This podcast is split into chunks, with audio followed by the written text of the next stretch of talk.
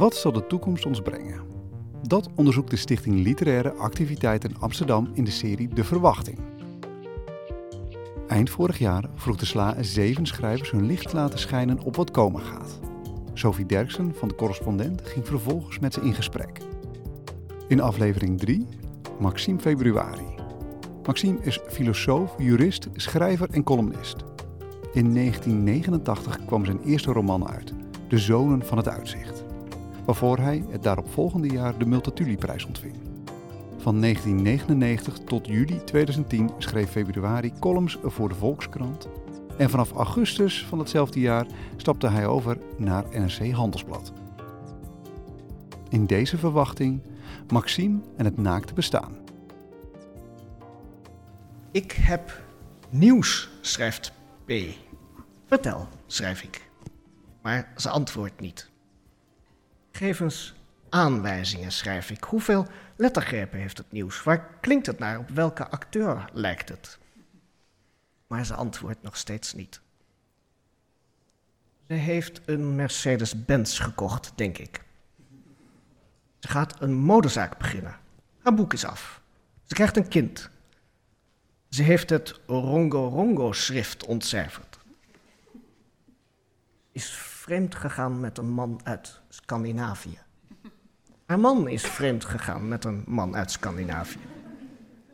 De tegenpartij is eindelijk overstag gegaan. Ze heeft een steen in de vijver gegooid. De kogel is door de kerk, de rapen zijn gaar, de teerling is geworpen. Ze staat op scherp. Wachten op de toekomst is een must. Van onze humanistische cultuur moet je hoopvol zijn en optimistisch en maatschappelijk constructief. Optimismus is Pflicht, zegt Karl Popper. En de meeste politici, ter linker en ter rechterzijde, citeren dat. Popper bedoelt er allereerst mee dat de toekomst open ligt.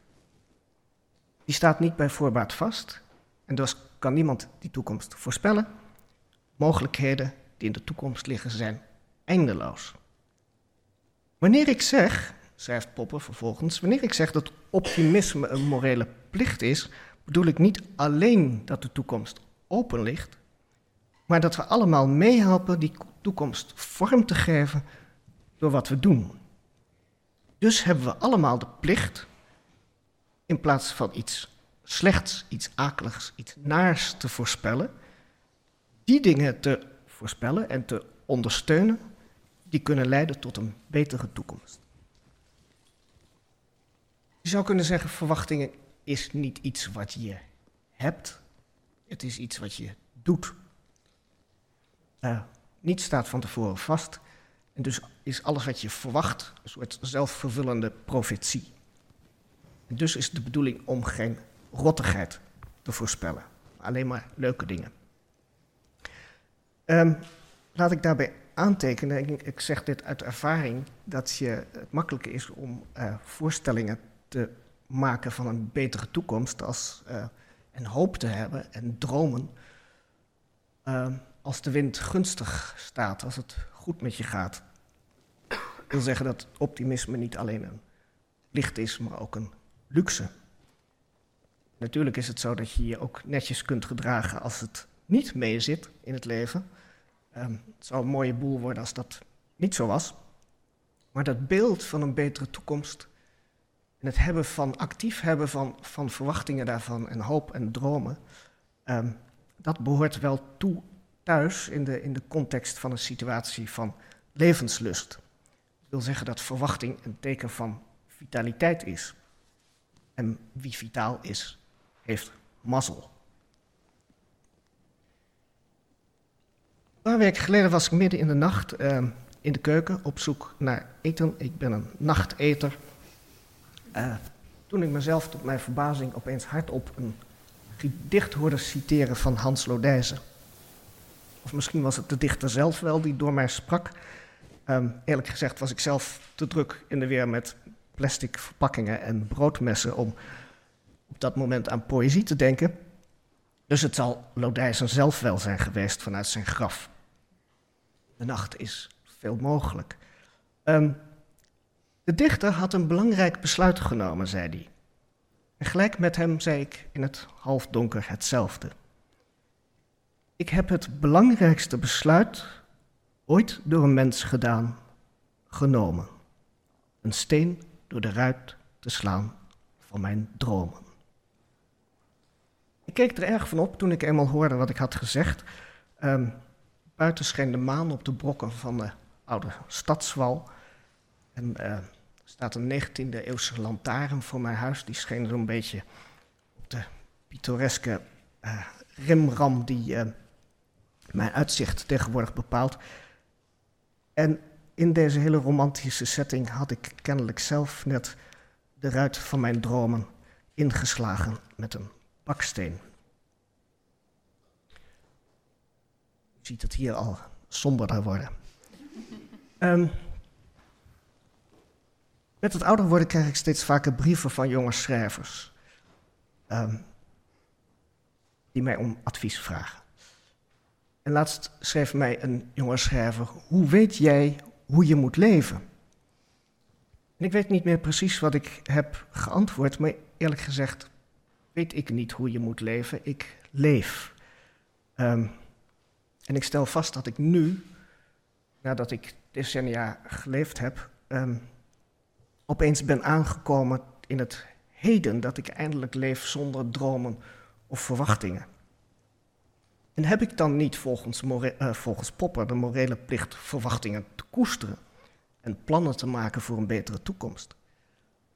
Eerlijk gezegd denk ik tegenwoordig dat in het heden leven voldoende is. Die toekomst komt wel. Uh, jaren geleden, op een dieptepunt in mijn leven, schreef ik een brief aan C. Uh, daarin schreef ik, ik kan niet vooruit en niet achteruit. C schreef, achteruit kan niemand en vooruit zal wel moeten. En zo is het. Vooruit krijg je cadeau. Ik zit op een stoel in een vreemde stad en ik wil naar huis, maar er is geen huis. Dat wil zeggen, die stoel is mijn huis. En dat is goed zo. Ich habe meine Sach auf nichts gestellt. Juchei, schrijft Goethe. Drum ist so wohl mehr in der Welt. Juchei. En Schopenhauer, de pessimist, valt Goethe zwaar bij in dit vrolijke drinklied. Uh, Schopenhauer schrijft dat je levensgeluk vindt zodra je terugkeert naar het naakte bestaan. Goethe laat geld voorbij komen, roem, uh, vrouwen, oorlog, strijd, alle opties komen voorbij om te concluderen dat al die opties zijn verlopen.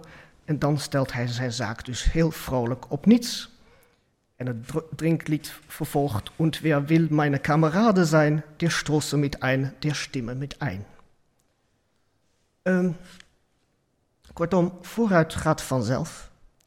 De toekomst krijgt alleen maar vorm via het heden, vanuit het heden, vanuit onze stoel, vanuit de keuken, midden in de nacht. En het, de toekomst krijgt vorm door al die duizenden dingen die we doen, al die eindeloze mogelijkheden die we verwezenlijken in de toekomst, als we in het heden zonder al te veel praatjes en voorspellingen leven. U hoorde de lezing van Maxime Februari. Nu zal hij in gesprek gaan met Sophie Derksen over de verslaving aan het verleden en de kunst van het vooruitkijken. We zijn, uh, we zijn in de lucht, um, op, op onze stoel, om bij jouw beeld te blijven. Ja. Um, ja, ik, heb, ik, heb, ik, had geluk, ik had het geluk dat ik vast over jouw tekst kon nadenken. Van ja, dat begrijp ik nou ook. Ja, dat had je niet verwacht, wellicht. Je had gehoopt mij te verrassen. Te overvallen, te maar je bent heel erg wakker, want je bent de hele dag al heel... Nou ja, dat mag u straks beoordelen. Uh, dat is overigens ook uh, maar een aanname dat wij dan ook wakker zijn, hè, als we hier zijn. Um, laten we het hopen. We doen in ieder geval onze dure plicht om zo wakker mogelijk dit gesprek te voeren. Misschien bij dat element van die plicht uh, even te beginnen. Je zegt, optimisme is met Popper deels een plicht, maar deels ook luxe in je verhaal. de luxe Ehm, om ons eh, ook tot die toekomst te kunnen verhouden. Daar had ik het helemaal aan het begin van deze dag met Marjolein van Heemstra over.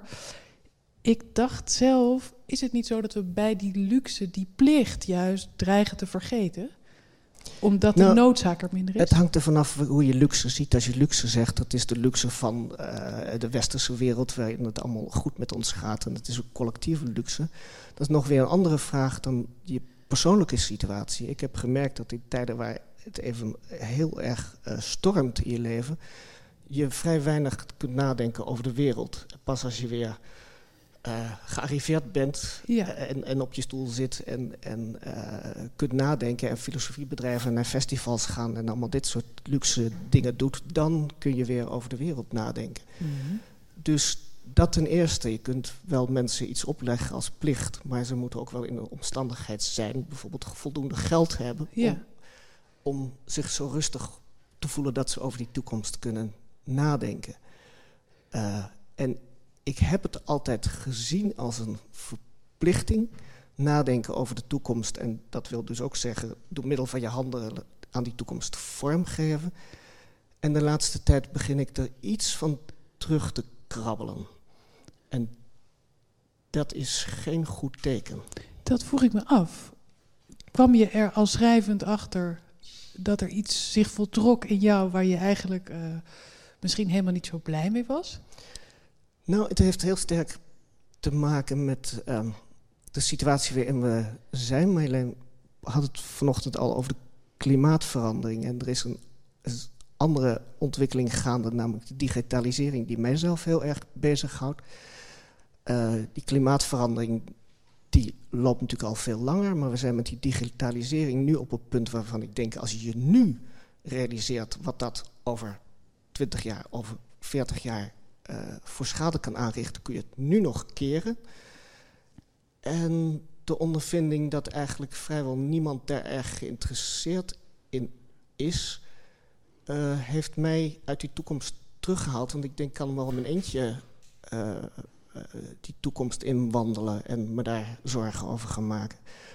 Maar als niemand meegaat, dan moet ik misschien terugkeren en in het heden kijken wat je dan nu hier zou kunnen doen. Ehm, en het is voor mij het verschil tussen, tussen een handeling doen en hem achteraf beschrijven of hem vooraf beschrijven. Dus je vooraf, eh, je kunt voornemen dat je iets gaat doen. Je hebt het vervolgens gedaan. Je kunt ook achteraf beschrijven dat je hem hebt gedaan. Dat fascineert me hevig in filosofisch opzicht. Ik heb Mhm. ooit, ooit zelfs het plan opgevat om daarop te gaan promoveren, wat niet is gebeurd. Maar er zit verschil tussen dingen achteraf beschrijven en ze vooraf beschrijven. En denk je dat je vroeger meer het, het vooraf beschrijven toepaste? Ik heb dat vooraf beschrijven altijd heel erg belangrijk gevonden. Eh, wij leven in een cultuur die helemaal. We staan met onze rug naar de toekomst toe. We kijken alleen nog maar naar het verleden. We kijken bijvoorbeeld alleen maar in, naar het verleden in dagelijks werk, waar we helemaal vastzitten in verantwoordingssystemen. Dus we moeten voortdurend verantwoorden wat we gedaan hebben. Dat Mhm. moet geregistreerd, dat moet geteld, dat moet bij de baas op het bureau belanden. We zijn in de literatuur alleen maar geïnteresseerd in eh, historische romans, in kindertijdsromans, in terugkijken. En op zich is daar helemaal niets mis mee, maar er zou een soort balans moeten zitten tussen verantwoording afleggen en verantwoordelijkheid nemen voor de toekomst, voor de dingen die we gaan doen. En dat wil je zeggen dat je toch iets zult moeten gaan beschrijven van wat je van plan bent te gaan doen. En dat kan alleen maar als je iets probeert die pakken, te pakken van die toekomst. En ik snap ook wel als Marja zegt, ja, het interesseert me niet mensen eruit gaan zien als aliens, als slijmerige wezens zonder haar. Maar dat zijn enorme grote, verliggende Mhm. toekomstverwachtingen. Je kunt ook zeggen, ja, ja, de zeer nabije toekomst, precies wat Popper zegt, die wij aan het vormgeven Mhm. zijn door de dingen die wij op het moment doen. Ja, interessant. Dus ik begrijp je zo dat je zegt je eigenlijk in het heden meer tot de toekomst te willen verhouden dan verder in de toekomst eh, alvast te reizen eigenlijk. Zo, zo moet nou ik... ja, iets, iets dichterbij te komen, omdat het kennelijk mensen zo'n hekel hebben aan die toekomst en zo met hun rug Ja. er naartoe staan en met hun ogen naar het verleden. Dat als je denkt, ik heb de opdracht om om iets te veranderen in die toekomst, moet je dus zorgen dat die, dat, dat aantrekkelijker wordt. En dan moet je niet te ver weg gaan staan met iets dichterbij. Net tijdens de koffie die wij illegaal hier hebben verkregen, um, hadden een aantal sprekers het erover dat, dat er verschil is tussen de mensen die vandaag op deze kruk zitten, die wel kinderen hebben en mensen die geen kinderen hebben. Het is echt een thema geweest deze dag. Uh, ik heb er geen. En net zoals Radna het erover had, het je erg dobbert dan. Je bent niet verankerd in een, in een lijn of familielijn. En ik zat te denken, uh, als je geen kinderen hebt, leef je in feite scriptloos. Er ligt niet een script voor je klaar waar je instapt. Je denkt, oh, ik ben de ouder. En ik in de zin van handelingen die het heden nu eenmaal aan je opdringt, omdat die wezens er zijn. Ja, Zo. En, en, en het is ook vrij duidelijk wat je geacht wordt te gaan doen. Ja. Als je dat niet hebt, dan kun je in feite alles doen wat je wilt. Uh, er is niemand die, die mij s morgens duidelijk maakt wat er moet gebeuren. Dus deze heilige opdracht van iets willen zorgen voor de toekomst heeft misschien ook wat met kinderloosheid te maken. Uh, je denkt, ja, ik moet toch iets. Uh, ja, en interessant genoeg hebben we natuurlijk ook gezien dat er ook op deze kruk mensen met kinderen zaten die die heilige opdracht nog wel meer ervaren, doordat die kinderen, voor henzelf meer ervaren, doordat die kinderen er zijn. Ja, maar die is dan heel erg ook wel gekoppeld aan, aan dat het feit fenomeen. dat die kinderen er zijn. Ja wat, wat ik fascinerend vind in wat je beschrijft um, over je eigen denken en, en toch ook het persoon, de persoonlijke weg die je eigenlijk beschreef in je verhaal. Um, is dat, dat eigenlijk in je persoonlijke verhaal hoorde ik de wereld eigenlijk steeds, steeds kleiner worden, met alle respect. Dat je mhm. meer naar dat heden en naar die stoel ging. Ja. Uh, met Goethe zei ik heb mijn dag af niet gesteld, joeg hey. Um, kun je voor jezelf um, definiëren wanneer je aankwam in dat moment. Wanneer je dacht, nu in mijn eigen wereld ben ik echt op die stoel. En je zegt, ik heb me erover verbaasd eigenlijk dat me dat gebeurde. Ja, dat heeft dan ook wel weer met, met, met andere persoonlijke dingen te maken. Het feit dat de dood heel dicht voorbij kwam in mijn leven. En bij andere mensen van mijn generatie is dat vaak doordat ouders overlijden. En dan kom je vanzelf weer in een volgende fase. Bij mm. mij kwam het nog veel dichterbij. Um, waardoor ik, en ik ben vrij ver door het ziekteproces van mijn partner meegegaan. Die dood in, dat rijk van de dood in. En ik ben, heb weer terug moeten keren, wat heel lastig is. En dan stel je vast, oh, kennelijk leef ik nog. En dan is vervolgens de vraag, ja, wat ga ik nu doen. Ik kom uit een familie waar iedereen. Mijn overgrootouders werden al ver in de 90, dus ik verwachtte 120 te worden. Ik, van de week sprak ik iemand die zei tegen mij: Oh, jij bent 55. Nou ja, 55 is een spannende leeftijd. Je bent natuurlijk financieel volkomen onafhankelijk. Je hoeft niet meer te verdienen. Ik denk, nou, voor stukjes schrijvers is dat, ligt dat toch echt iets anders dan uh, voor industriëlen. Maar het is. Uh, uh, het is wel zo'n zo'n punt waarop je denkt, nou, ik heb heel veel gedaan. En wat zal ik nu de volgende 70 jaar eens gaan doen? Um, en, en, dat met het besef van, van die dood ja. is er. Uh, ik ben een beetje dood geweest en nu ben ik er weer. Alles ligt open en het script is heel erg open. En wat ik in dat opzicht fascinerend vind is, als je zegt alles is open, dat beeld van die dromen en, en het mhm. beeld wat je aanhaalt met Lodijzen van Lodijzen, daar een steen doorheen te werpen. Je zegt kennelijk, de, dus de dichter sprak tot mij, kennelijk had ik dat gedaan. Ja. Een actieve daad uh, suggereert dat, dat je op dat moment dus die steen wierp en, en een droom van je afwierp. Is, is dat ook zo? Of is er met het oh ja, ouder worden... Ik ben gestopt uh, met schrijven, dat is misschien het... Uh, het steen door de ruit van mijn dromen slaan. Althans, een bepaald soort van schrijven. Ik wou zeggen, je lijkt toch zeer productief, maar... Ja, dit waren allemaal oude verplichtingen. um, nou ja, de, de, ik heb altijd wel de gedachte gehad dat, dat je daar iets mee zou bereiken. Dat is heel naïef geweest. Maar ik heb het heel lang volgehouden om zo naïef te zijn. Dat je denkt, ik zeg iets en dan verandert dat iets. En ik ben er gewoon uit pure onnozelheid heel laat achtergekomen dat dat niet zo werkt. Dus, um, je lijkt me helemaal niet een onnozel iemand. Je Nee, moet dat eerder vermoed hebben. Ja, je kunt die dingen wel bedenken, maar misschien, dat is al vaker gezegd hier, je kunt dingen lezen en bedenken en dan vervolgens is die ervaring daar. Eh, het heeft vooral te maken met mijn bemoeienis met die digitalisering, waar ik echt, nou, geen millimeter in opschiet. En dan denk je, dan, je moet niet blijven, blijven eh, sjouwen aan een dood paard. Dat, dat is het een beetje. En, en als ik eh, dat, die metafoor maar even vasthoud, waaraan ga je die komende 70 jaar dan wel sjorren als je niet gaat schrijven? Eh, nou, dat is een beetje de vraag, maar ik heb wel sterk het gevoel dat een soort naïviteit zit in, in wereld verbeteren als je dat, als je dat ehm, op die oude. De ellende gaat toch de wereld niet uit. En daar kom ik inderdaad heel erg laat achter. Dus dan is het misschien die appelboomplanten, waar Marjolein het vanochtend over had. Hele kleine, simpele dingen, maar in ieder geval de, de pretentie iets indammen.